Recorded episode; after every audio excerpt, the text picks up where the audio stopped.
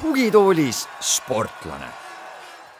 tervist kõikidele spordihuvilistele, taskuhäälingu Tugitooli sportlane, järjekordne osa on taas teie kõrvu paitamas ning kui eelmisel nädalal ja tegelikult ka sellel nädalal on Eesti spordiks teemaks number üks olnud doping, siis vähemalt nädalavahetusel üritas spordi, spordi pahupoolele konkurentsi pakkuda siis Ott Tänak, kes Mehhiko MM-rallil poodiumi teisele astmele kerkis. ja selle valguses otsustasime ka täna saate ralli teemadel üles ehitada ja minu saatejuht Karl Juhkamil on siis täna külas Martin Järveoja endine sohver ja kokku siis kolmekümne viiel WRC rallil osalenud Karl Kruuda, tere Karl! Tervitused ka minu poolt! no olude sunnil me sind tugitooli panna ei saanud, ma ise vabandasin ennast sulle juba välja, oled plastikistmel siin, aga saate nimest inspireeritud küsimus, et kui suur tugitoolisportlane sa ise oled? ma, ma isegi ei tea, mis see tähendab no eh, kui, kui, kui huviga sa jälgid seda, mis spordimaailmas toimub, kui jätame nüüd sinu armastatud ralli kõrvale? selles mõttes, kui ralli kõrvale jätta, siis, eh, siis ma natukene ikkagi minu, minu vaateväljad spordile jäävad natukene nõrgemaks. selle, ma ikka nagu natukene jälgin, jälgid jalgpalli, jälgid korvpalli, aga just niimoodi, et ma sellise hingega ja tulihingega kaasa ei ela, kuidas ma elan nagu rallile. eks kõikidel inimestel on oma selline spordiala, kuhu nad kõige rohkem pühenduvad, samamoodi, et kas sa kas sa olid selles kunagi sees, kas sul on seal tuttavaid perekonnaliikmeid ja lähedasi, et miks sa just mingit spordiala niimoodi nagu fännad, eks minul on põhjuseid mitmeid ja ma usun, et mul on nendest ka tulevikus väga raske lahti saada, sellepärast et see on üks väga põnevama, põnevaid asju ja ralli mulle tõesti tegelikult äh, meeldib. sa ühesõnaga neid vaba aja tunde ikkagi meelsasti kulutad võimalusel? ma ei saaks öelda, et need vaba aja tunnid on, aga ütleme niimoodi, et äh, ralli kulutab mul kõik ülejäänud muud aega selles mõttes on natukene, natukene keeruline, aga eks õnneks on aastas ainult neliteist etappi, kus tuleb pingsalt istuda arvutite, telekate ja asjade taga, et kogu informatsiooni kätte saada. ja ülejäänud vaheajal siis tuleb kõvasti joosta ja tööd teha, et saaks jälle paar-kolm päeva natukene eemal olla asjadest. just, ma alustuseks esitan võib-olla natukene torkiva ja sellise kurja ajakirjaniku küsimuse, aga oh -oh. sina oled aastate jooksul ikkagi väga palju seda rooli keelanud ja sa teed seda kõike ka istudes. et kui ma nüüd lihtsa paralleeli toon, siis ega ta nüüd väga palju ei erine e-spordist, mida nagu üldse ei taheta spordi alla liigitada, et samamoodi istud, käed liiguvad klaviatuuril, hiirel, autos nüüd samamoodi, et, et kui, kui kõva sport see tegelikult on, kui võtame selle tehnika osa välja, ütleme mees ise seal sees no tegelikult on see ikkagi ka mehe jaoks päris terav, meeste jaoks autost päris terav et see nõuab päris palju energiat sult ja kõige rohkem võib-olla isegi vaimset energiat, et eh, selles mõttes on inimestel võib-olla õigus, et ta ei ole nagu nii hull füüsiline sport, et sa pead oma lihasmassi just nii-öelda natukene hoidma, et su lihased ei hakkaks liiga palju su kehas energiat nagu ära kulutama, et see vaimne pool püsiks ja püsiks otsast lõpuni välja. et päevad on pikad ja see ja samas ma ei saa väita, et see et see füüsiline pool seal nõrk on, sellepärast et äh, see, need paugud ja need äh, raputamised ja need hüpped ja need äh, kivid ja need teed ja need mäed, need ikkagi rusuvad su keha nii palju, et sa ikkagi nagu päeva lõpuks vajud kossi. et sul on vaja nii-öelda nagu füüsilist tugevust nii seljas, jalgades, et tegelikult pidurivõimendused meil puuduvad. meil ei ole nagu tavaautol, et nii tugevalt, kui sina vajutad, nii, nii tugevalt auto seisma jääb et sa saad seal erinevate mehaaniliste asjadega seda küll muuta, aga nagu sa pead vahepeal, kui on pikad katsed ja päevas on nagu sada viiskümmend, vahepeal mõni, mõnikord isegi kakssada kilomeetrit, sa pead kakssada kilomeetrit kõigepealt seda autot takistama et seal on nagu kolmsada. mitte juhtima, vaid takistama. sa pead takistama, sa pead kolm, kolm tuhandet, kolm tuhandet viitesadat kilot, sa pead kõigepealt takistama tegelikult seal metsa ja puude vahel, et see on ka teistpidi, teistpidi on see just nii-öelda nagu vaimselt raske, et sa, sa pead mängima ka seal piiri peal oma nii-öelda nagu ajus, et sa ei tohi võtta liits, liigselt risk, riske, aga samas sa tegelikult sa tead, et sa alati nagu riske võtad. ja kõik sellele eelne, eelnevale veel nagu eelneb see või järgnevale eelneb see, et sa tegelikult sõidad kõik need mäed, katsed ja rajad läbi enne, kui sa hakkad kihutama nendel katsetel. ja tegelikult see võtab ka oma energiat, kui sa hommikul kuuest ärkad nagu üles ja, ja õhtul äh, kuuest-seitsmest jõuad tagasi heal juhul mm. -hmm. ja siis hakkad veel legende kontrollima ja tööd tegema legendidega või istud videode taga ja tegelikult nagu päev otsa kuskil autos istuda. kaheksatunnisest tööpäevast on asi ikka kaugel, pigem sinna pigem ikka, pigem ikkagi kuusteist tundi ja sa paned ikkagi nädal aega jutti kuusteist tundi no see, et kui sa kaheksa tundi ralli all magada saad, see on ikka päris hea ralli. no järgmine küsimus ilmselt on nüüd eh, sellest tõukuvalt, et kui sa magada saad väga vähe, veidi, veidi halb, aga ilmselt väga paljud lapsevanemad tahaksid, et või nende soov olema oleks praegu, et nende laps oleks järgmine Kelly Sildaru või Anett Kontaveit või Ott Tänak, no tennise puhul on, ma arvan, asi lihtne, et osta lapsele reket, pane ta trenni ja äkki tulebki midagi. mäesuusapisikut saad ka ilmselt talvevaheajal kontrollida, aga aga viieaastast vist niisama ikkagi rooli ei lähe, ei lase, et vaadata, et kuidas poiss nüüd keerab seda rooli järsku, et, et kuidas, kuidas last, ütleme, kui lapsevanemal on see loll idee või, või poisil endal mudelautodest tekkinud, et kuidas last siis nagu ralli juurde viia, juhtida? Ma ei tea, kas ma tohiks sellele küsimusele vastata. ega rallil on täpselt samamoodi, tal on oma variandid olemas, kuidas niisugust asja teha.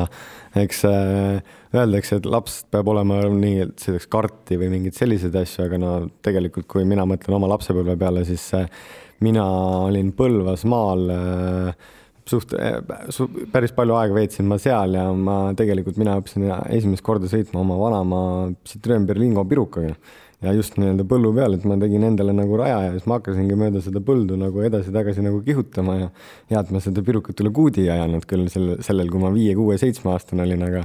aga tegelikult see, kogu see kompott on see, et sa ei pea nagu kulutama selle jaoks, et sellel mhm. hetkel, kui sa tahad nagu midagi teha, siis kõiki asju võib elus teha täpselt nii, kuidas sa soovid. Ja internetis on ka olemas nii palju tegelikult neid autosid, mis on äh, tänavakõlbmatud ja need on nii odava, nad on suhteliselt odava hinnaga, et sihukest autot nii-öelda nagu omada ja eriti, kui sul on kuskil maalapp või mingid asjad siis ja nagu silepõld, kus võib-olla see aasta vilja just ei kasva ja kui sa noh, talumehega ära räägid, võib-olla saad ka vilja vahel tõmmata, et on vähe põnevam. et siis sa ei näe kurve, aga, aga sellegipoolest, et äh, tegelikult neid äh, minimaalseid variante on ka, et kuidas alustada ja mina noh, algusest peale tegelikult põldude pealt nii-öelda tulin. ja tegelikult Eestis on ka praegu selline noorteprogramm, mis on äh, Zebra Cup, mida korraldab siis Kuldar Siku isa. et äh, ma olen ise ka seal mõned korrad õpetamas käinud just nii-öelda treenerite vormis, et vanad sõitjad siis nii-öelda või Eesti sõitjad tulevad ja istuvad sellistel viie kuni nagu neljateistaastastel lastel nagu kõrval ja sõidame, oleme sõitnud jäärada ja parkimisplatsidel ja kardiradadel ja, ja ütleme, et osad on päris terava käega. no ma küsin otse, kui sina nüüd istud selle kuueaastase kõrvale, mis, mis tunded on? Ma kujutan ette, et sa pigem oleksid ikkagi ise seal roolis, sõidaksid kakssada kilomeetrit tunnis, nojah, kuueaastane ilmselt nii. kakssada ei lähe nii, nii, niimoodi seda pedaali ei vajuta, aga mis emotsioonid valdavad, see peab ikka päris hea närvikava või usaldus olema selle, selle poisi vastu, kui esimest korda eks kõike tuleb usaldada elus ja elu ennast tuleb juba usaldada, et siis, kui sa nagu tugitali sportlaseks jääd, siis nagu võib-olla mingi hetke pealt muutub igavaks see asi, et äh, et teistpidi ma jälle julgen öelda, et võib-olla see ongi mul nagu ära rikutud ka, et natukene ma ekstreemsust kõikidest kohtadest äh, jään otsima ja panen ennast ka proovile, et äh, et minu jaoks nii-öelda, kui võtta maratoni, siis äh, alati nagu valid kõige pikema maratoni esimesena ja kui selle oled läbi teinud, siis nagu ei tule kordagi mõttesse, et võiks nagu poolmaratonil minna kuskil, aga nende laste puhul, need on ka nii erinevad, et mõni laps on äh, kuueaastaselt tõesti, et ta, lapsevanemad on õpetanud teda sõitma juba ja ta nagu saab ilusti pedaalide ja rooli manageerimisega hakkama, eks sihuke Äh, teadmiste pool on kindlasti nii-öelda nagu nõrgem, et äh, öeldakse, et ka ralli on ajusport, et äh, nii-öelda mida vanemaks sa saad, targemaks sa saad, seda rohkem sa hakkad hindama neid keemilisi ja füüsikalisi vorme seal kõrval, mis tegelikult seda asja toetavad, mis aitavad sul seda kiiresti teha, et laste puhul on see puhas raw talent, mis sealt nagu mida sa näed. see on veres ühesõnaga, see... sündides tuleb kaasa ikkagi, ena, mingi... enamikel juhtudel no ütleme, et kõikidele antakse kaasa kõike, eks see on see, kuidas ise seda vormima hakata, on see, mis ka sinust kunagi saab. aga ühesõnaga, ma saan aru, et pigem sa pead ikkagi olemagi täpselt nagu sa ise ütlesid, Lõuna-Eestis seal neid põlde ja teid avardumas, et kui sa tahad Tallinnas nüüd tekib kinnisidee, et tahaks lapse panna trenni, siis noh, jalgpallitrenni ja korvpallitrenni sa leiad, vormelis ilmselt selle kardi, kardihakatise ka lõpuks kusagile panna saad, aga autoralli puhul vist sellist väljundit ikkagi ütleme, pealinna keskselt ei ole, et pigem peadki vanaema põllu peal hakkama, vanaema vana autoga ka veel. nojah, selles mõttes on tõesti, et et Tallinna piirde, piires on see keerulisem, meil on ka siin lähedal tegelikult äh, maha jäetud lennuväljasid, kus sa saad seda nagu teha, aga see tegelikult äh, selle nii-öelda mootorispordi kart siis või ralli või tsikkel ja need kõik hõlmavad tegelikult su enda lapsevanema Äh, kaasamängimist, et sa ei saa seda üksi teha, sa ei saa seda autot sinna üksinda, sa ei saa seda tsiklit sinna mhm. üksinda.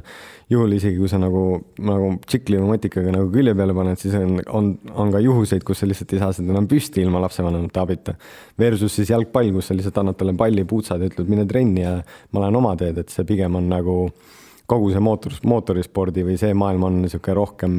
perekondlikum ja seda sa ei saa kunagi nagu üksinda teha, et seda tehakse alati nagu perega koos no perekonnatoetus üldse rallimaailmas tundub väga-väga oluline, väga otsekohene küsimus, et kui kaugele on võimalik rallimaailmas ilma, ilma rahata jõuda, ütleme siis nii, et, et kas mi, on ikkagi mingi tase, kuhu saad jõuda ja väike lootus, et sa jääd kellelegi silma, kes sul siis nii-öelda sponsoritena appi tulevad või ikkagi väga palju on see vanemate enda rahakoti peal see, see huvi üles ehitatud see kõik oleneb täpselt sinust endast, kui palju sa selle nimel oled nõus äh, pingutama ja noh, vaeva nägema. eks äh, on neid inimesi ja heatahtlikud inimesi selles maailmas, kes äh, näevad neid talente ja et kui sa oled mingile maani nagu jõudnud, et siis neid inimesi korjatakse nagu üles ja neid võidusõiduprogramme välismaal on nagu tunduvalt rohkem kui meil siin Skandinaavias Rootsis on hästi tugevad äh, nii-öelda nagu ringraja asjad ja seal sõidavad kuningad ja nagu see on nagu, see oleneb täitsa riigi üles ehitatud struktuurist sellest asjast, et Prantsusmaal samamoodi, et et kuidas kõik prantslased on tulnud, et tegelikult prantslastel on äh, oma autospordiliidus ongi toetusprogrammid, mis nii-öelda siis finantseerib neid äh, talendikaid sõitjaid, samamoodi nagu meie alustasime Eestis mingi hetke pealt talendiotsinguid nii-öelda kartides ja asjades, sest tegelikult, kui see talent leitakse, et siis tema alla nii-öelda nagu pannakse ka nagu väga suur rahasumma ja nii-öelda intressidega või siis nii-öelda nagu laenuna, et see ja push itaksegi seda inimest nagu nii kaugele, et ta oleks võimalik nii-öelda et kui ta tippu joob, et siis ta lihtsalt maksab äh, autospordi föderatsioonile või rahvuslikule föderatsioonile selle raha tagasi. intressidega nemad on võitnud ja see mees on tegelikult äh, saavutanud ja tegelikult ta turundab seda riiki ka välismaailmas nagu veel tugevamalt edasi, et see on, et sport on see, mis tegelikult ju meie riike kõige rohkem valgustab välismaailmas, et poliitikas on üks seesama ümmargune jutt ja, ja sport on see, mis tegelikult hõlmab meie rahvast ja siis peegeldab seda väljapoole aga see paralleel muidu õige, et pehmelt öeldes jalgpallis ostadki saja euro eest omale vormi ja palli ja mütta terve aasta, autoralli maailmas ühe nädalavahetusega tuhat eurot rehvide peale, bensiini peale. No need arvud on muidugi praegu õunte pealt mulle öeldud selles suhtes, aga aga, aga üldiselt ikkagi see, see, see kaalukauss vähemalt visuaalselt mulle välisvaatlejale tundub, on ikkagi raha mõistes väga niimoodi selle, selles mõttes tõesti, et sul on alati, mootorispordis on sul rohkem abi vaja, aga saab ka seda teha nii-öelda nagu alati odavamalt ja vanade rehvidega ja kasutatud asjadega ja, ja kes otsib see leiab ühesõnaga pehmelt öeldes. kes otsib, see leiab aga no eks, kui sa tippude peale hakkad sõitma ja nii-öelda nagu esikohtade peale, et siis kuna rehvid on tegelikult seened seal auto all ja ja kütusel on oktaani arv juba, mis mängib rolli ja siis kütusele tulevad juba nii-öelda aju mapping ud, mis tegelikult põletavad seda kütust õiges hapnikukoguses ja kui kõrgel sa merepinnast oled ja mis see niiskus väljas on. et lõpuks see asi on ikkagi nagu läheb väga sügavaks teaduseks. kas üldse muidu rallimaailmas on selliseid juhtumisi, kus, kus no vormel üks maailmas on väga tugev teema see, et pehmelt öeldes,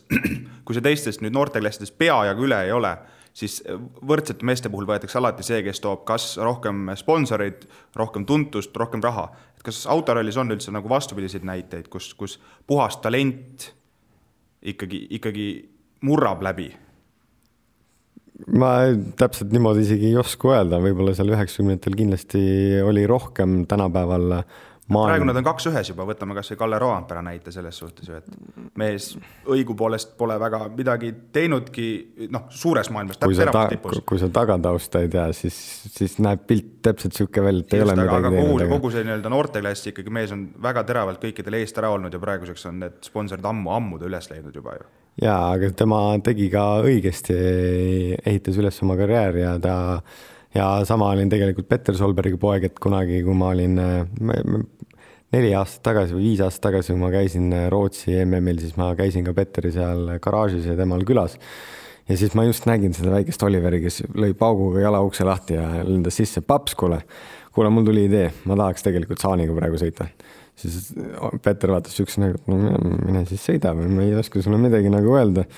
aga siis ta hakkas nagu lugusid sellest rääkima, et neil oli ka, et nad elavad vist Norra ja Rootsi seal piiri kuskil ääres ja et neil oli ümber maja oli niisugune kaheksakilomeetrine nagu rada ja siis neil oli nagu talve mõistes oli üks vana eskort piikidega oli nii-öelda nagu garaaži ees ja Solberg, väike Solberg hüppas sisse, pani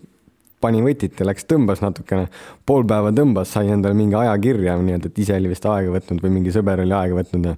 tuli garaaži tagasi, ütles, et davai, paps, mine tõmba. vaatan, kas ma sain sinust jagu ja siis paps läks, tõmbas talle paari sekundiga põh-, nagu tegi paari sekundiga ära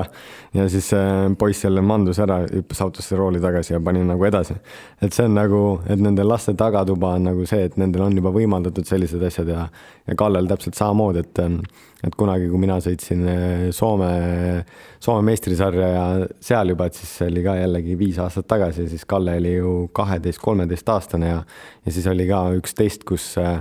ta sõitiski minu autoga nii-öelda pärast ühte rada ja ta oli nagu algusest peale väga terava käega, aga tal on nagu olnud ka hästi palju erinevaid võimalusi ja ta on, tegelikult on ta tagatoas sõitnud hästi palju kilomeetreid ja eks see on igas spordialas, et mida rohkem sa treenid, seda paremini see välja tuleb. kahjuks selles spordialas on see, et kui sa juba sponsorid oled leidnud, siis treeningutel sa ei saa seda reklaami, mida sa saad võistlustelt, et sponsorid ei huvita see treenimine kui vaid võistlus ja tulemus, mis on nii-öelda lõpuks tuleb alati küsida ja eesmärk endale seada, et mida sa tahad saavutada, et kas sa tahad saavutada seda, et sa tahad kuskile tippu jõuda ja võita ja parim olla või sa tegelikult tahad äh, lihtsalt, äh, tahad lihtsalt sõita. ja kui me treeningutest nagu räägime, siis kas see ongi lihtsalt noh, pehmelt mõttes kuiva tegemine, tuhanded-tuhanded treeningkilomeetrid lihtsalt, mis tulebki autoga ära kulutada no tegelikult, äh, no tegelikult on see nii, sellepärast kui sa vaatad tänaseid ka WRC sarjas sõitjaid, siis äh, miks ei ole võimalik, kui sa astud nii-öelda lõpuks WRC kahe pealt WRC peale, et miks ei ole kunagi need samal tasemel, siis need WRC sõitjad on sõitnud selle WRC autoga aastas ikkagi nii-öelda, kui sul on neliteist rallit, ralli on kolmsada viiskümmend kilomeetrit pikk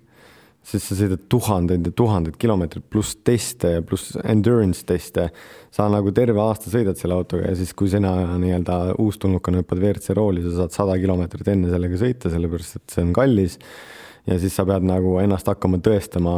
inimeste ja meeste vastu, kes tegelikult teevad seda nii-öelda nagu mugavalt. Et äh, aastas sõidetakse kolmkümmend, viiskümmend tuhat kilomeetrit vahepeal ralliautoga ja kui sa võtad nii-öelda Eesti meistrivõistlusi autospordis, siis tegelikult on sul kuus-seitse etappi, etapp on sada kilomeetrit, ütleme, et keskeltläbi. et siis sa sõidad nii-öelda koos testidega Eestis võib-olla tuhat, tuhat viissada kilomeetrit. Versus, versus see, mis sõidetakse siis MM-il, mis on nagu kolmkümmend tuhat. ja kui me räägime sellest tuhat versus kolm tuhat, siis Eestis ilmselt väga heaks kruusaspetsialistiks võib saada, head kiired teed, kurvid ka olemas, aga noh, ilmselt sa oskad oma kogemusest rääkida, et aga kui sa ühel hetkel peadki minema asfaldirallile, kitsad tänavad, üheksa, saja kaheksakümne kraadised pöörded, kuidas sa nagu selleks valmistud, kuidas sa selleks treenid, on see Eestis üldse, on, on võimalik üldse mingiks tasemeks saada või me olemegi lihtsalt selles olukorras võrreldes ütleme prantslaste, itaallastega automaatselt terve elu tagaajaja rollis? tegelikult, kui ka Eesti, Eesti sportlaste ajalugu vaatad asfalti peal, siis me oleme alati väga tugevad olnud ja ma olen ise ka seda küsimust enda jaoks kunagi nagu vastanud ja tegelikult see küsimus peitub selles, et kuna Eesti enda teed on nii kiired ja nii nii nii-öelda sujuvad ja joonega, et siis iga nii-öelda suurem viga hakkab sulle siin maksma nii-öelda sajandikke, et siis, et kui sa tahad Eestis võita, et sa pead olema hästi täpne sõitja. mida vähem liigutusi, mida vähem libisemisi, mida konkreetsem äh, nii-öelda inglise keeles me ütleme one shot movie'd, et sa tohid igat liigutust teha ainult ühe korra tegelikult mm. -hmm. et see ongi see võlu, mis tegelikult kandub üle asfaltile, et kui sa oled mägedes, siis seal on nagu, mägedes on täiesti teistsugune stiil, et pigem ma ütlen, et eestlastel on raskem sõita aeglast kruusarallit kui asfaltirallit sest asfaltil sa, mida vähem sa vigu teed ja joont jälgid sama, mis on Eestis, et äh, sa pead trajektoori leidma, mis on kõige kiirem. sama on asfaltil, sa ei tohi seal vigu teha, sa võid ühe korra pidurdada, ühe korra keerata, ühe korra gaasil minna. No ma küsin siis vastu, et äh, kui sa ütled, et aeglased kruusarallid on need, kus on keeruline, kus siis nendeks meil siin Maarjamaal saaks valmistuda, kui tahta? Äh, selline kõige suurem ja uuem kompleks on tegelikult Eesti ühel suurimal ka Rally Fanatil et äh, Oleg Kross on tegelikult, äh, ta ehitas nüüd Euroopa meistrivõistluste selle rallikrossi raja ka ja ta on taha metsa sisse teinud tegelikult sellised aeglased testkruusa nagu rajad koos Oti ja Georgiga. Et äh, seal on mingid võistlused ka läbi läinud ja ma arvan, et see on üks Eesti aeglasemaid nii-öelda sektsioone, mida sa saad üldse sõita. kui sa Lõuna-Eestisse lähed, siis seal võib-olla nagu mahapöörded on ja tagasipöörded on need kurvid, kus seda nagu teed, aga mägedes need tulevad nagu kolmekümne meetriga üksteise järgi kõik aeg ja ja teine noh, need, neid kohti ongi tõesti nagu väga vähe. kas torbikute vahel, ise teed. just, õppesõidu platsil pehmelt öeldes, kruusaplatsil, aga, aga kas autorallis on ka see teemaks, et katsete selline kunstlik visualiseerimine, et elad mõttes läbi, valmistud, kuidas sa sõidad, on, kui palju seda mentaalselt ettevalmistust tehakse nagu sõitjate enda, endi seas? no selles mõttes meie päris vormelisõitjad ei ole, kellel on neliteist kurvi ja siis jätkub seesama neliteist kurvi, mida sul on võimalik visualiseerida. eks äh, rallis, mida rohkem sa selles sees oled, seda rohkem jah, tekib piltmälu. Ja eks su paariline sinu kõrval nii-öelda ütleb sulle, mis tuleb ja need sõnad võib-olla on nagu kõik ühe samasugused, aga tegelikult, kui sa sellesse situatsiooni jõuad ja seda, sellesse kohta jõuad, siis sa enda mälus meenuvad ka mingid pildid, et sa enam-vähem nii-öelda nagu midagi nagu mäletad. et see piltmälu nii-öelda kindlasti nagu võimeneb just nendel ralliinimestel ja just kohtade mäletamise peale ja ja noh, samad nii-öelda välismaailmas siis tegelikult äh, me GPS-i ei kasuta, et sa paned nii-öelda, jõuad Mehhiko, Mehhikosse Leoni, Leoni käid mägedes ära ja tegelikult tuleb pärast mägedest niimoodi tagasi, kaarduliga vahepeal kõrval magab ja sa sõidad ise nagu Mehhiko kesklinnas kuskilt tagasi hotelli, noh. sa tead, kus sa oled, sa mäletad seda teekonda ja need asjad jäävad nagu meelde. et selles mõttes see on ka üks ala, üks nagu kindlasti väärt asi, et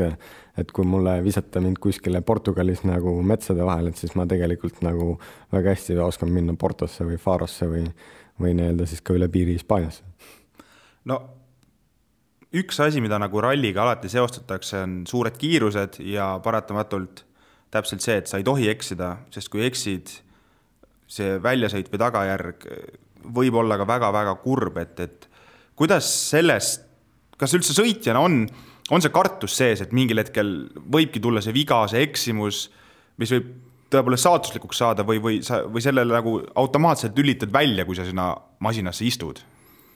niisugune ajalooliselt on käinud äh, kaasas selline mm,, sõitjatel on natukene niisugune loll nupp peas. et kui kiiver pähe, kui kiivri pähe tõmbad, et siis see nupp läheb alla ja kõik, kogu maailm, muu maailm kaob nagu ära. et äh, küsimusele vastates kindlasti äh, see mõte kuskil tagatoas peitub, aga mida rohkem sa selle peale mõtled, äh, seda hullemaks see asi läheb ja seda suuremaks see tõenäosus läheb. et ei tasu kunagi mõelda väga palju riskidele ja nii-öelda neid riske hakata nagu ette kartma, et kui sa üldjuhul alati nagu asju hakkad ette kartma, et siis need üldjuhul tuksi lähevad ka. no ma eeldan, et sa ikkagi paar korda elus oled kraavis käinud, et kas pärast mõnda väljasõitu on endal olnud selline tunne, et nüüd ikkagi vajutan natukene rahulikumalt seda gaasipedaali või, või ikkagi jällegi, kui sealt kraavist välja tuled, siis jällegi kiiver pähe, nupp on all ja gaasipedaal ka põhjas äh,? jah ikka, mida kiiremini sa autosse tagasi saad, seda kiiremini sa sellest üle saad, sest äh, nii naljakas, kui seda ka öelda ei ole, et siis äh, olgugi, et ma olen kunagi istunud ka haiglas ja mul oli seljas kompressioonmurrud ja ma pool aastat olin eemal ja nagu taastusin. Samas ma leidsin tee tagasi rallisse ja lõpuks ma leidsin nagu tee päris nagu kõrgele ja kaugele, eks ta ühtemoodi mind nagu õpetas ja ja teistpidi, mida, mida sõitjad alati kardavad, on tegelikult see avarii, et see tundub nagu valus ja värki-särki, aga noh, naljakas on seda küll öelda, aga ütleme, et kui sa selle paugu ära paned ja seisma jääd ja nagu tegelikult saad nagu lähed välja, vaatad, auto oli nagu päris katki ja käid ümber auto ja siis mõtled, tegelikult ei olnud üldse valus ju täitsa nagu pehme lugu oli. et noh, selles mõttes, et sellepärast öeldakse, et kui mida kiiremini sa autosse tagasi saad, sa saad aru sellest, et see, et isegi kui sul mingi avarii tuleb see, et midagi nagu väga katki läheb, siis see on nii-öelda nagu äärmiselt eh, ebaõnnetu juhus, aga adrenaliin ja keha hoiab sind ikkagi sellises staadiumis, et olenemata avarii suurusest, siis üldjuhul sõitjatel väga suuri jamasid sellega ei ole. Eks olukordi on kindlasti erinevaid ja kuidas sa need löögid sinna pihta ja millistesse nurkadesse täpselt saad. aga ütleme, et kui keegi kunagi katust pole pannud, siis ma kindlasti soovitan ära proovida kuidagi väga huvitav soovitus muidugi, aga kui tõepoolest kellelgi see, nüüd. sa oled, istud seal autos, sa oled rihmadega kinni ja siis sul jääb niisugune tunne, nagu sa oled ise pesumali, pesumasina trumblis. niimoodi, et mitte, et sina ei käi ümber auto, vaid auto käib ümber sinu. no kui kellelgi tõesti tekkis selline soov hetkel, siis kas ütleme, kas on mingi piir ka, kust, kust alates nagu seda rallimaailma liiga tõsiselt enam võtta ei tasu, et ütleme, kui sa oled juba kaheksateist täis ja kunagi elu sees pole ühelgi võistlusel kihutanud, siis noh, ütleme niimoodi ka Eesti meistrivõistluste mõttes sa oled noh, heas mõttes maha kantud, et sellesse, sellele tasemele sa enam ei jõua või ikkagi võib ka suvaline mees metsas kahekümne viie aastaselt rooli istuda ja järsku olla Eesti, Eesti meistrivõistlustel poodiumil näiteks? no kahekümne viie aastaselt ma arvan, et sa oled juba hiljaks jäänud, kui sa sõitnud ei ole et seda nii-öelda eeltööd sinna jõudmiseks sa pead nagu natukene rohkem tegema ja vanus hakkab nii kiirelt peale peksma ja eks see nii-öelda hooaega ilmataat ei anna ka kõik võimalusi nii-öelda nagu häid treeninguid nii-öelda nagu teha. et Eestis on äh, kevadel ja varakevadel pikalt, kuna teed on külmunud olnud, siis teed on pehmed, siis nende peal ei tohi sõita, sellepärast et sa lihtsalt, sa lihtsalt lõhud asju ja see on raiskamine, et seda ei ole mõtet nagu teha. Et siis sul jääbki ainult suvi, sügis ja siis sa ootad talve, et lumi tuleks maha, aga no lumega on meil täpselt ka niimoodi, et vaatad, kuna tuleb ja siis tuli ja siis sa lähed välja ja siis on juba sulanud. et selles mõttes see, see Eesti, Eesti kliima on nagu keeruline aga rallisõitjatel on, nagu öeldakse, et niisugune tipphetked on tegelikult kakskümmend seitse kuni kolmkümmend seitse, et selles vahemikus on tegelikult need, need mehed, kes võtavad nagu MM-tiitleid ja nagu sinna kõrgele nagu pürgivad. Et selles vahemikus on sõitjad kõige tugevamad just nagu vaimselt poolelt ja selle pealt ma ütlen, jõuan ka tagasi, et see on nii-öelda nagu rohkem vaimne spordiala kui, kui füüsiline, aga see ei tähenda seda, et sa nagu ilma füüsiliseta seda saaksid teha. no kui me veidi räägime siin seda, et rallimehed ise on veidikene niisugune nupust nikastanud ja otsivad seda adrenaliini, siis mulle tundub, et veel segasemad mehed on need, kes vabatahtlikult teil sinna kõrvale istuvad, ehk siis kaardilugejad. et mina kujutan ette, et võib-olla siis külgkorvi motokross on nagu veel, veel hullum, kus sa lihtsalt pead õõtsuma sealt ühele poole, teisele poole ja samal ajal ole, oled seal tsikli seljas täiesti abitult, et, et kuidas sa leiad endale kõrvale inimese, kes, kes sinna tõepoolest on nõus vabatahtlikult istuma ja enda elu põhimõtteliselt sinu kätesse nagu andma, et kas see on, lihtsalt helistad sõpru läbi, et tšau, kas täna tahad tulla, et sa kunagi tahtsid rallile tulla, istu kõrval, vaata, kuidas on, pärast hakkab meeldima, loed kaarti ka see ikka sel, selles, selles samas inimeses peab endal ka mingi sportlik hing sees olema, et ta seda nii-öelda nagu teeb ja samamoodi kui sina saad seal roolis nii-öelda nagu kaifi selle sõidu eest ja ja kui sa teed seda hästi, et siis see on nagu eriti hea tunne. Kaardilugejal on just see, et see samamoodi seal tunnel, et, et kõrval see tunne, et kui nagu sõitja teeb kõik hästi, et siis see tegelikult on nagu, see on mega nauditav üritus. kui sa nagu, aga selleks sa peadki usaldama ka sõitjat, et sõitja saaks seda, mida ta teeb hästi et ta saaks teha seda nagu sajaprotsendiliselt, siis ta peab ka usaldama kaardilugejat, et seal peab tekkima üsna kiiresti selline klapp nende inimeste vahel, et, et sa saad, et sina usaldad teda ja tema usaldab sind, et kui sealt usaldus hakkab mingil määral kaduma, et siis see hakkab ka peegelduma just nagu kiiruses ja ajas ja võib-olla ka vigades. kui, kui suur üldse vahe selles on, kas sul istub kõrval nii-öelda oma kaardilugeja või võõras, võõras kaardilugeja, et kas ikkagi see jalg seal gaasipedaali peal veidikene tõrgub, kui võõras mees loeb, loeb, loeb kaarti? isegi kui ta on näiteks professionaalne kaardilugeja, et ma ei tea, Kuldar Sikuga sa ilmselt oled paar korda koos, koos, koos sõitnud, aga no ütleme, et sul tuleb ikka kõrvale profiinimene, aga teie lihtsalt omavahel pole varem koostööd teinud eks see selles mõttes natukene sõitjad, kui ütlesid, sõitjad on nikastunud ja kaardlugejad on nikastunud, siis ega samamoodi, kui seal kaks nii-öelda professionaali kokku saavad ja nii-öelda hakkavad tegema seda, milleks nad on loodud ja mida nad oskavad teha, siis see on kõik, läheb täpselt enam-vähem sama roodu pidi edasi. Eks see natukene nõuab harjumist, kuidas sõitja tahab just seda informatsiooni kätte saada, milliste viivitustega, eh, kuskohast nii-öelda võib-olla kaardilugeja on liiga tormakas või liiga aeglane, et eks see nii-öelda alguses, et seda balanssi kätte saada, et see, et lainevõnked nagu ühtseks saada, et see ikkagi nõuab natukene aega, eks alguses võib-olla kiirust natukene rohkem mõjutab ka aga nüüd, kui võtta nagu suvaline event toru otsa, siis see on, sõitjale on ikkagi nagu äh, sa, sõitja peab hästi palju rohkem hakkama pingutama selle nimel, et ta peab rohkem nagu silmadega hakkama jälgima loodust ja looduse mängimist seal ümber, et, tihtipeale, et kui vahepeal kaob ka nagu legend ära ikkagi inimestel on ette juhtunud, oled rehvi vahetanud, sa ei tea, kus sa oled ja siis sa hakkad nagu sõitma mingi hetke pealt, kui rihmad on kõikidel kinni. Ja Kaarluga hakkab legendi nagu otsima või midagi on juhtunud, siis äh, nendes situatsioonides sa hakkad nagu kihutama just nii-öelda, hakkad äh, puulatvasi vaatama, et sa tegelikult näed, kuhu hakkab see tee ja mets keerama. et sa saad nagu selle järgi enam-vähem nagu sõitma hakata. ja sama, et siis, kui sul on kaardilugeja nõrk kõrval, et siis sa tegelikult jälgidki nii-öelda järgmisi piiripunkte ka, mis on sul tee ääres saadaval et seda otsust teha, otsust seal autos ja roolis kiiresti langetada ja murdosa sekunditega, et et kui sul on nõrk inimene eh, kõrval, et siis sa lihtsalt pead ise rohkem pingutama. kas sul endal on kaardilugeja kogemus mingil, mingil tasemel? jaa, ma olen oma vennale lugenud kaarte siis, kui ma kunagi teda noh, rohkem õpetasin ja me sõitsime, et siis eh, ütleme, et ei olnud mõtet alati nii-öelda kedagi teist kutsuda, et siis ma ise lugesin talle nagu seda kaarti ja see ei ole, see ei ole üldse lihtne asi ja no minul läheb no ma ei saa öelda, et mul ikka lõpuks läks natukene süda pahaks ka lõpuks. ikkagi see, et sa oled oma märkmetes, mitte ei näe, mis rajal toimub, jah? jah, sa oled, esiteks sa oled oma märkmetes ja teiseks sa, sa käid ja õõtsud seal autos täpselt niimoodi, et sa noh, mina, kui ei ole seda nii palju harjutanud, et siis ma ei saa sellest nii palju nagu aru kaardiluga ikkagi, kui tema, tal on need kõik see legend ees, et siis temal, ma, ma usun, et temal jookseb ka nagu visualiseerib seda, mis tuleb, et siis ta teab, kummale poole ta hakkab hoidma ja ja legendis on ka tegelikult need asjad nagu kirjas, et kui sa oled nagu nagu värske kandidaat seal kõrvalistmel, kes siis paneb ennast proovile, et siis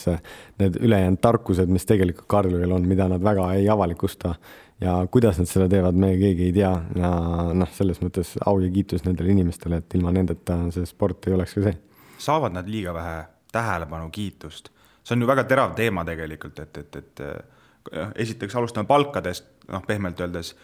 Julian Ingrassia ilmselt saab vist mingi kümnendiku sellest, mida Ogier saab, et, et üldse, kas meedia tähelepanu, kas tuleks teid rohkem kiita, tunnustada?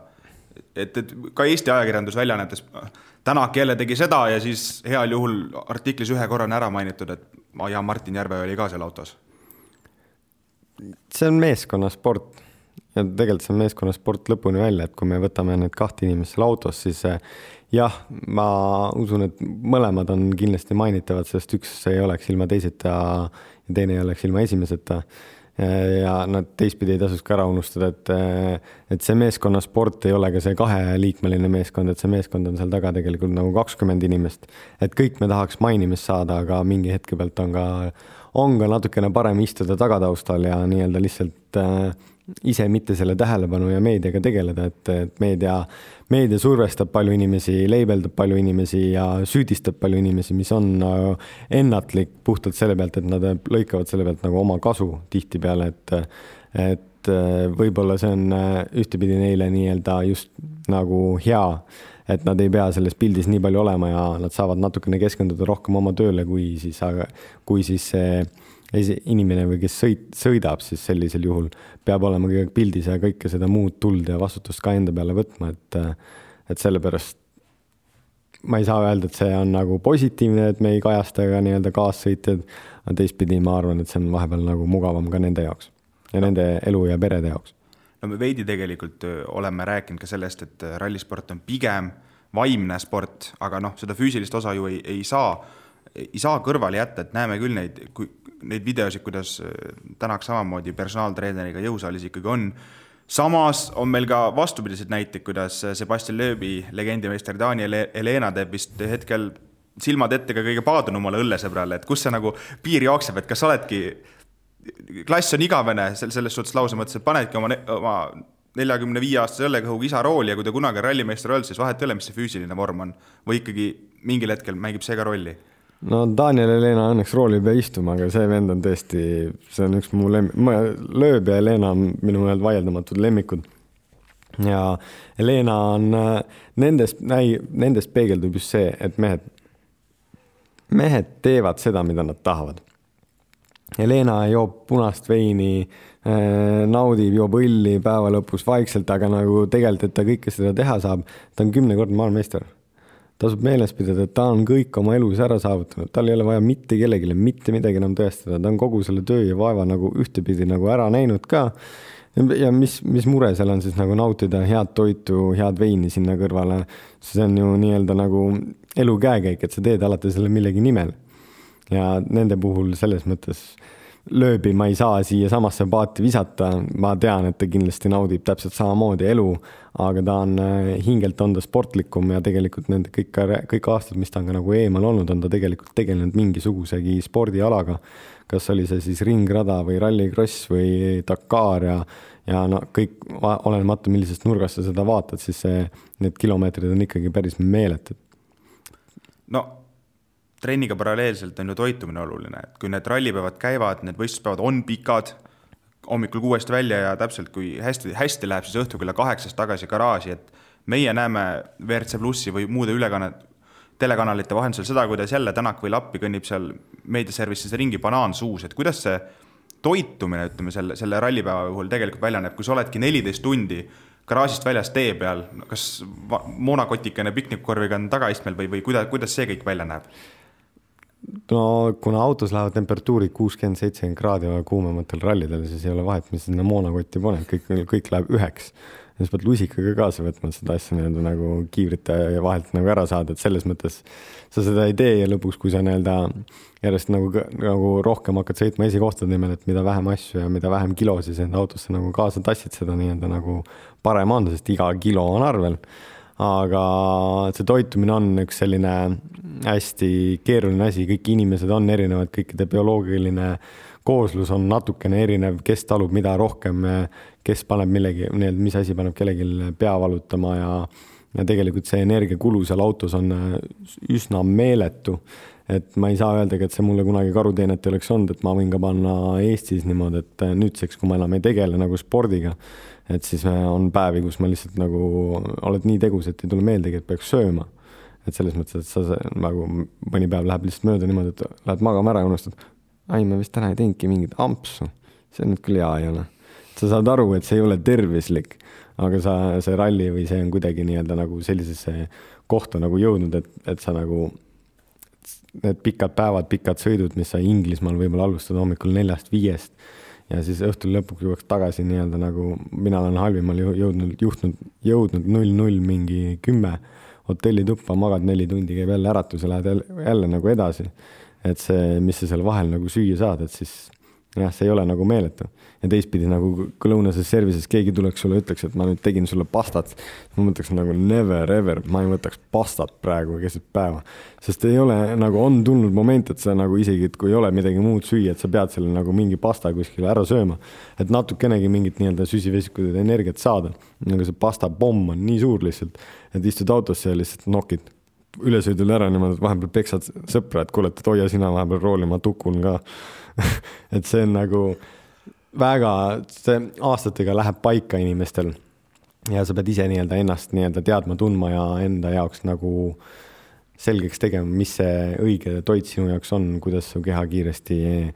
omandaks seda energiat ja tegelikult nende jaoks on ka kõrval inimesed, et ise ei peagi kõike teadma ja sul ei olegi võimalik kõike nagu teada.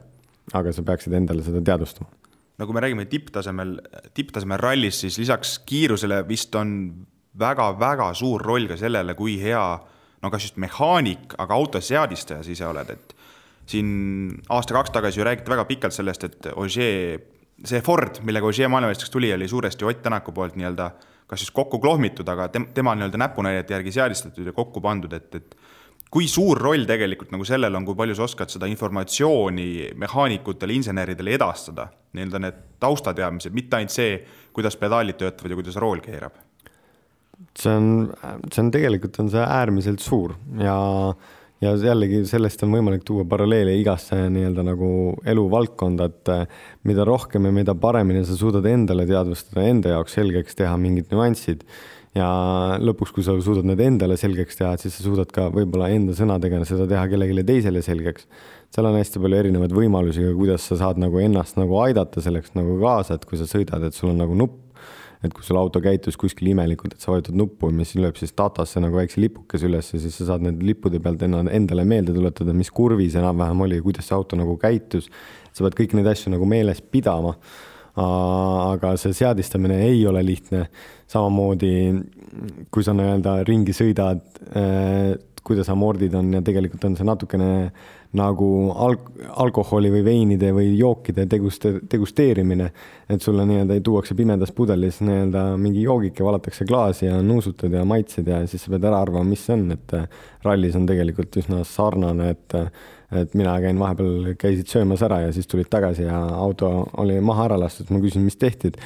no ma ei tea, mine sõida, vaata sina, ütle mulle, mis ma, mis ma tegin. Ja siis ma ütlen, et oota, aga anna mulle mingigi nii-öelda nagu reference point, et nagu kuidas ma alustan, et nagu, et kas noh, mis asja. ja siis öeldi, et no okei okay,, me vahetasime tagumise diferentsiaali ära, et ütle, mis me tegime, kuhu poole me läksime, kas me läksime mingite asjade pehmemaks, jäigemaks, nagu ja lisaks, aa ja siis me lisaks tegime paar amordiklikki, aa ja siis meil mm,, okei okay,, selge. kokkuvõttes tehti terve auto ümber, aga lihtsalt niisugune natukene muutsime yeah., kiire kokkuvõte. no kas, mitte et sa peaksid oskama sellele küsimusele vastata, aga autoralli sari üldse, motosport on väga-väga meestekeskne kas on? ma olen ise ka pettunud et, et, et kus see nagu linnukene tuleb panna või, või et miks ei ole naisi? on ikka, mõned naised sõidavad ka, on siin äh, idanaabritest oli üks naisterahvas ja tegelikult Türgist oli paar naist ja Inglismaal on hetkel üks naine ja USA-s on siin paar naisterahvast, kes sõidavad ja tegelevad selliste aladega, aga aga see, naised ikkagi tahavad olla naised. natukene tegelikult nad tahavad olla femini-, feminist, nii-öelda nagu feminiinsemad. ja mis on nende jaoks ka tegelikult noh, selles mõttes on ju ajalooliselt eh, on olnud selline, ma ei saa öelda, et nagu jagunemine, eh, selles mõttes keegi, keegi ei takista, aga millegipärast see just on meeste spordialaks jäänud selle peale, et meestele, mehed lihtsalt võib-olla on lollimad. see alalhoiu instinkt on suurem, et ei, ei kipu naised kakssada kilomeetrit tunnis võib-olla sinna metsateedele kihutama jah, eks ju naine on, naine ju üks hetk peab alati pere kasvatama, et need just sellised asjad võivad väga paljugi mõjutada seda ja ja see võib ka olla üks põhjus, miks, miks tegelikult ei ronita sinna rooli või kõrvalistmele nii palju. no kui me WRC sarjast räägime, siis praegu võiks ju tinglikult öelda, et on autoralli MM-sarja kõrghetk. kui viimati see reeglimuudatus tuli, siis mootoritel keerati ikka päris palju pöördeid juurde, kõik ülejäänud seadmed, reeglid tehti lihtsamaks, aerodünaamika vabamaks ja praegu ikkagi MM-sari on äärmiselt, äärmiselt atraktiivne. samas kaks tuhat kakskümmend kaks tõotab meil ees tulla nüüd, kus siis toimub, toimub see üleminek hübriidelektrimootoritele, et, et kas nüüd ongi siis, et kuningas on õnne tipul ja tuleb kuningliku sarja langus või, või sina seda nii karmilt ei näeks, kui see muutus tuleks? mina ei näe seda üldse nii karmilt, mina arvan, et see läheb jälle täpselt, see läheb sama põnevusega edasi. ja ma usun, et see läheb isegi natukene põnevamaks, sellepärast et äh, et see maailm on võib-olla liiga kinni jäänud sisepõlemismootorite peale ja turbode peale, mis on tegelikult aastast juba kaheksakümmend, kui tuli Audi nagu nelivedusega asjaga, et mis oli samamoodi, et ah oh,, teeme midagi põnevat, teeme neliveolise auto, kõik inimesed samamoodi alguses, ah, mis asja, mis mõttes. see, aga noh, me ei tasuks seda nii-öelda hukka mõista, tegelikult äh, hübriid meile tundub seda, me mõtleme tänavasõiduautode peale, mis on hübriidid Honda Inside'id või mingid Priused, et see ei ole päris see, ma arvan. et eks ole näha, mis reeglid sinna tehakse, aga need, need, kes neid reegleid teevad, eks nad konsulteeruvad ka ikkagi tehaste asjadega, mida nagu soovitakse. tegelik spekulatsioon on ka see, et äh, katsete peale jääb see auto sõitma sisepõlemismootoritega, aga pigem on see, et kui ülesõidud ühelt katselt teisele on, siis see kütusekulu seal on ka nii suur et ülesõitudel võtavad need autod nii-öelda rahulikult sõites niimoodi, et sa pedaali ei liiguta, on kakskümmend viis liitrit sajale. ja katsete peal on siis seitsekümmend viis liitrit sajale. et kui see ülesõidu, see nii-öelda arvestades, kui palju on tegelikult ühelt katselt teisele sõitmas selles maailmas, et see on ainuõige variant leida mingi elektrooniline lahendus sinna, et need autod saaksid sõita. ja samamoodi, et ega kui sa katsete peal sõidad, siis see pidurdamine, sa pidurdad nii tihti, et seda kineetilist energiat ju võiks ladustada mingitesse akudesse, mis jõuab sul siis selle katse finišist järgmisele katsele sõita. no ja et, üks nii-öelda plusspool siis sellele hübriidelektrimootoritele, kuna see tulevik on ja tehase meeskondadele ilmselt pakuks rohkem huvi, et et võib-olla tõesti mõned meeskonnad võtavad siin vaheaasta enne seda hübriidmootorite tulekut, aga pärast seda justkui võiks näha ju rohkem meeskondi siis kui neli MM-sarjas, et eh, Mitsubishi, Subaru, Škoda, Volkswagen, noh, siin puusalt öelda, et tehastele peaks pakkuma rohkem huvi, omakorda jälle turundus, väljaminek on küll see nagu olemas, aga siis sul on ikkagi reaalne väljund, mitte see, et investeerida sinna, mis tegelikult on minevik jah, eh, sellest minevikku on alati nagu raske investeerida ka see ja elu on näidanud tihti, et, et sel hetkel, kui tulevad uued reeglid ja uued autod, siis eh, kõik autod alustavad ikkagi ühelt ja samalt pulgalt. et ei ole mingeid märkimisväärseid arendusi või üks ei ole teisest nagu märkimisväärselt parem mingis situatsioonis. et kõik, eh, kõik tehased alustavad ühelt pulgalt ja siis nad hakkavad selle hetke pealt võistlema, et kes tegelikult nii-öelda peab kuskil rohkem pingutama et seda on nii-öelda Ford on iga kord näinud, et kui uue autoga tullakse alguses välja, et siis see uus, et Fordi uus auto alati eh, on konkurentsivõimeline vers-, teiste autode vastu. Versus see, et suurematel tehastel on siis rohkem raha seda edasi arendada ja et siis see kiirus võib-olla jääb neil natukene nii-öelda nagu vakka. ja ma arvan, et see on ka nüüd see, miks sellest juba nii palju hakatakse rääkima, et kaks tuhat kakskümmend kaks see tuleks. et siis tegelikult ju siin on kolm aastat nagu aega et lihtsalt, et nüüd autotehased jääkski nagu mõtlema, et tegelikult nad saavad kolm aastat juba arendada seda ja tegelikult mõned, mõned inimesed, mõned tehased saavad seda kolm aastat nagu ettepoole arendada. no me oleme pikalt rääkinud äh, autoralli tagatubadest, kõik sellest, mis nii-öelda varju jääb tavainimese jaoks. tuleme korraks ka sinu enda juurde, et kaks tuhat kümme sa tegid MM-sarjas oma debüüdi ja debüüdi ei teinud sa mitte väga väga teada ja tuntud ja lihtsal rajal, vaid sa pidid Jordaania rallil minema järsku starti mm, Suzuki Swiftiga siis, et, et äh, kas sul üldse oli mingi, mingisugune aimdus, mis sind ees ootab, kui sa sinna starti läksid? no kui jah, sul olid need reked ja testipäevad ja selles suhtes need olid muidugi olemas, aga, aga nagu enne seda. Äh, no tegelikult ei olnud, ma ikkagi see, et ma Ammanis maandusin ja ja siis hakkasid äh, sõitma lennujaamast nii-öelda hotelli poole, kus siis ringteede peal äh, sa pidid äh, ise ringtee peal andma teistele teed, et ringi, et nagu need, kes ringi peale tulid, et neil oli tee nagu eesõigus ja ja lõpuks, kui sa sinna mägedesse jõudsid, siis tegelikult surnu, surnumere veega kasteti teid, et siis nad olid kõik nagu natukene klaasistunud ja ja see pinnas oli täiesti uus ja noh, mis kõige hullem oli, tegelikult sa sõitsid kõrbes, noh kui tee lõppes ja kõrb algas, ega seal nagu suurt vahet ei olnud, et tegelikult aru saada vahepeal, kus sa olid, oli nagu äärmiselt imelik. ja lisaks oli ka see, et Jordaania oli Iisraeliga natukene sõjalikus vaenulikkus, et sul käidi kõige aeg nagu peeglite asjadega ümber auto, kontrolliti, et kuskil pomme ei ole ja siis nagu loeti sõnad peale, et, et seal üks kõige pikem katse, Jordan Riveri katse, mis siis jooksis Iisraeli ja Jordaania piiri peal täpselt. et noh, selles mõttes, et ärge väga kaugele välja pange, et siis te võib-olla satute lihtsalt valele poole piiri ja noh, ja see on maamiinid ja värgid, et siis sa nagu ei tekitanud väga head tunnet, et kuhu ma sattunud olen. sellegipoolest oli nagu väga äge etapp ja ma sain just sellel hetkel, ma sain ka tuttavaks ühe oma hea sõbra Äh, Saudi Araabiast, kes siis, äh, kellega ma siiamaani olen kontaktis ja see on nüüd kaheksa aastat nagu möödas, et äh, et tema sellel, sellel etapil, tema sõitis nelivedusautoga ja mina olin siis esivedusautoga ja ma kaotasin talle paari minutiga. et see oli, oli väga äge kogemus. no oma esimesel aastal said sa kaasa lüüa kuuel etapil, aga aasta pärast seda on siis nii-öelda üheksa etappi, kaks tuhat üksteist pidid kaasa tegema, et kui suur kui palju aega üldse nagu aastas sinna peale läks, et noh, et see etapp ikkagi võtab ära, ma kujutan ette, sa lähed sinna mingi teisipäeval kohale ja järgmisel nädalal teisipäeval tuled ära või, või, või kui, kui suur ajakulu see oli?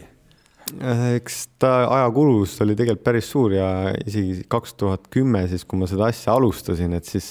sain ka jällegi teha omalt poolt, sain teha natukene ajalugu, et ma olin äh, noorim sportlane WRC poodiumil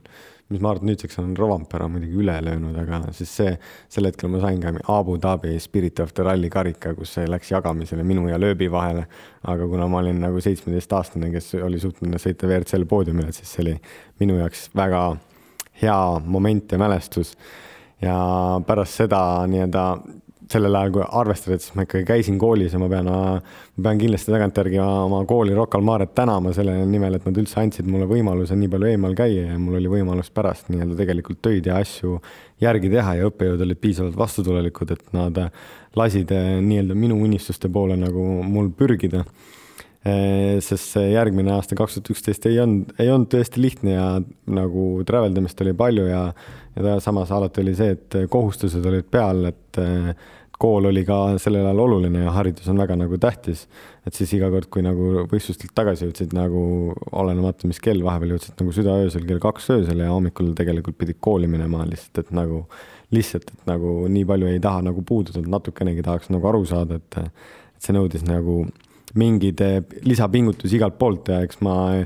ma, ma ei saa öelda, et ma oma elu nagu lihtsamaks elasin sellega. no MM-sarja said sa kaasa lüüa neli aastat, kuni siis lõpuks viiendal aastal Ford Fiestaga Rootsi rallil WRC kaks arvestuses esimest korda poodiumi kõige kõrgemale astmele tõusid, et, et, et samal aastal õnnestus sama tempo sul teha ka Soomes. ja kokkuvõttes kaks tuhat neliteist vist, ma arvan, et sa julged öelda, oligi su kõige edukam aasta. No ütleme nii, et mul sealt hakkas kõik ikka läks täiesti õiges suunas, õigesse, õigesse poole, et kaks tuhat neliteist jah, et esimese etapi Rootsis mul läks kardaan puruks, aga seal oli ka teie, seal põhikonkurendil olid mingid nagu mured ja siis ma hakkasin seda tagasi sõitma ja viimase katsega tegelikult äh, kaheksateist sekundit oli vahe, keegi ei uskunud seda. Ja viimase katse viimase paari kilomeetriga ma võtsin veel seitse sekundit vist alt juurde või kümme sekundit. mäest alla libe tulek ja ma lihtsalt kuidagi täiesti perfektse sõiduga jõudsin lõppu ja siis mulle öeldi, et, et, et palju õnne et sa, et sa võitsid, siis ma olin nagu, väga ei saanud sellest üritusest aru, sest minu ees olev vend, kes nagu enne mind lõpetas ja kellest ma just nagu mööda sõitsin, et ta oli katuse peal, käed püsti ja celebrate'is seda üritust ja siis ma nagu, väits nagu segadus oli. Ja no see aasta tõesti kõik Soome võidud ja tegelikult oli Otiga samal poodiumil päris hea seista. Et tegelikult Ott oli tollel hetkel kõige kiirem, aga noh, eks vahepeal, eks rallis tihti tulevad see, et rehvi purunemised mängivad nagu kõvavat, kõvat rolli ka. Ja et sellel aastal ma arvan, et ikkagi märkimisväärsem oli see, et ma esimest korda hakkasin sõitma just Soome meistrivõistlusi ja mille ma ka, mille me ka Martin Järvega võitsime, et ma ei ole kunagi Eesti meister olnud, aga ma olen Soome meister ja tegelikult äh, ajaloos ainukene välismaalane, kes on suutnud võita Soome meistritiitli. nüüd ma muidugi natukene valetasin, et tegelikult meid oli kaks. samal aastal sõitis ka mul hea sõber Kaspar Koitla ja Mait Laidvee ja Andres Otsaga vahepeal, kes siis eh, võtsid ka Soomest eh, oma klassi meistritiitli täpselt samal, samal põhjusel, et mina võitsin siis klass ühe ja tema võitis klass kahe. Ja et me tulime, nägime, võitsime ja läksime. kas praegu on need kõik veel ainult ilusad mälestused, mida meenutada või, või on sus mingi, mingi pisik lootus ka, mis, mis, mis tahaks ikkagi samas, samale tasemele tagasi? no kindlasti, selles mõttes kindlasti on, aga see nõuab nii palju, see nõuab jälle nii palju nagu aega, tööd, raha. ma peaksin täiesti, sa peaksid ennast täiesti ümber fokusseerima jälle, kuidas sa sinna nii-öelda jõudma peaksid. minul selliseid võimalusi ei ole. Ja kõige kurvem oli mul see, et tegelikult mul järgmine aasta, kaks tuhat viisteist, et neliteist ma tegin super, üsna suurepärase hooaja. Selle hooaja kõige kurvem moment oli muidugi see, et lisaks Soome meistritiitlile ma läksin ka maailmameistritiitlit võtma. Ja ma olin kõige kiirem ka eelviimasel etapil, nii asfaltil äh,, aga kruusa peal tegin äh, viis kilomeetrit tunnis võib-olla liiga kiire, pidurdasin liialt vähe. Ja ma lõpetasin kraavis, kus ma siis kaevasin ennast kakskümmend kaks minutit välja ja lõpuks ma kaotasin selle ralli kahekümne ühe minutiga. kui ma oleks sealt veel oma kakskümmend viis maksimumpunkti saanud, et siis ma oleks võtnud ka tegelikult maailma lõpus selle, oleks suutnud võtta sellega tiitli. et see oleks seda ma oleks tahtnud kõige rohkem, see mind häirib ka kõige rohkem, et ma tahtsin olla nagu kuskil ta, nagu alati olen soovinud, tahaks ikka olla maailma parim. Ja järgmisest aastast tegelikult juba rääkides, siis äh, mul juba tekkisid, äh, olid mul le lepingud ja tingimused, mul olid paika pandud Citrooniga ja selles järgmise aasta lõpus ma pidin juba tegelikult istuma ka WRC rooli. Kaheks etapiks Inglismaaks ja äh, Kataluuniaks, aga kuna mina ei suutnud oma lepingu poolt suve keskel täita enam ja siis see jäi katki ja noh, siis selles mõttes natukene lä-, noh, selles mõttes ma olin kedagi nagu alt vedanud, selles mõttes on mul kõige kahjum, et ma tegelikult, ma olin juba, ma olin juba ukse peal, ma olin juba uksest läbi, noh. no ma küsin, küsin lõpetuseks seda, et kas sa praegu veel käid WRC rallidel kellegi abiks, kedagi toetamas koha peal, seda melu ikka saad nautida? paar aastat tagasi käisin siin ühte poolakat õpetamas, kes siis praegu sõidab VM-spordi siis WRC Pro klassi. Lukas Benjacek on siis ta nimi, temaga ma paar etappi tegin koostööd. aga ta ikkagi, tal oli oma kindel nägemus, kuidas ta edasi tahaks minna ja no mina olin natukene selline treener, et nagu ma tahtsin kohe nagu maailmameistrit ehitama hakata kiiresti, aga seal oli natukene selline fun oli veel mängus, et siis äh, endal sai ka natukene kop-, viskas kopsu üle maksa, et, äh, et pigem oli just kopsu üle maksa viskas sellepärast, et, et sul on niisugune võimalus siin, nagu ütle, ma ütlen sulle, kuidas sa seda kasutama pead ja sul tuleb nagu kõik nagu, et sa teadsid ja siis see, et ta nagu võib-olla mängis seda natukene nii-öelda maha, siis see ajas nagu kõrvalt kohe ka närvi mustaks. hetkel ma ei, noh, mis ma siin erinevad võimalusi olen natukene proovinud, aga ma ei ole öelnud, et ma ei ole ei saa öelda, et ma niisuguse lahtise laba käega vastu nägu pole jälle saanud. no igatahes paneme need pöidlad pihku, et mingid võimalused sul ikkagi tekiks. aitäh sulle, Karl, et sa sel nädalal siia saatesse tulid, loodame, et see kustutas rallihuviliste kihutamisnälga, sest peagi-peagi saab jälle Ott Tänakule ju kaasa elada ja rallimaailmasse tagasi minna. jah. et kahe nädala pärast vist Korsikal peaksid nad hakkama uuesti minema ja järgmisel nädalal olen ka Tugitoolis sportlane uuesti eetris uute inimestega, uute külalistega ning uute teemadega, aitäh! aitäh ka teile oh.!